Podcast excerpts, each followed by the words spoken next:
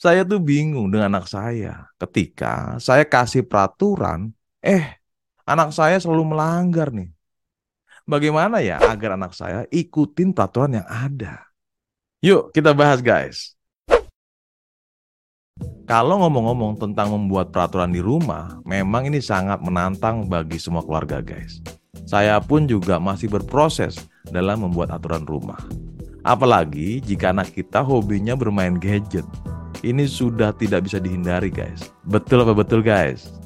Berikut ini salah satu usaha kita sebagai orang tua dengan cara meminimalisasi pelanggaran-pelanggaran tentang aturan rumah nih guys. Yang pertama, ketika kita membuat aturan, tolong libatkan anak kita dalam proses mengambil keputusan guys. Terutama dalam membuat aturan rumah.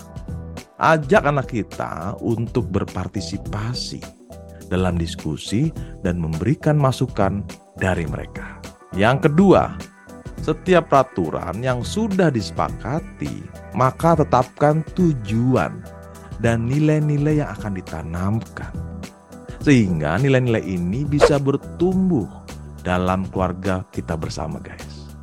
Yang ketiga, setelah ditetapkan tujuan dan nilai-nilai, ini yang paling penting juga guys.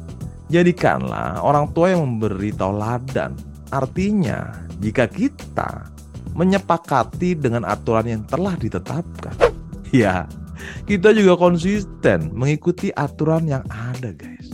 Bukan berarti kita sebagai orang tua boleh melanggar, tetapi anak kita wajib ikuti aturan. Nah, menurut saya nih, itu tidak adil dan tidak mendidik anak dari sisi nilai integritas dan komitmen bersama. Pertanyaannya, bagaimana caranya agar kita bisa berdialog untuk membuat aturan di rumah dengan anak remaja kita? Jika Anda ingin konsultasi atau ngobrol-ngobrol seputar parenting anak remaja, silakan klik di link bio saya ya. Saya senang berkenalan dengan Anda. Saya tunggu ya, dan salam semangat menjadi sahabat anak.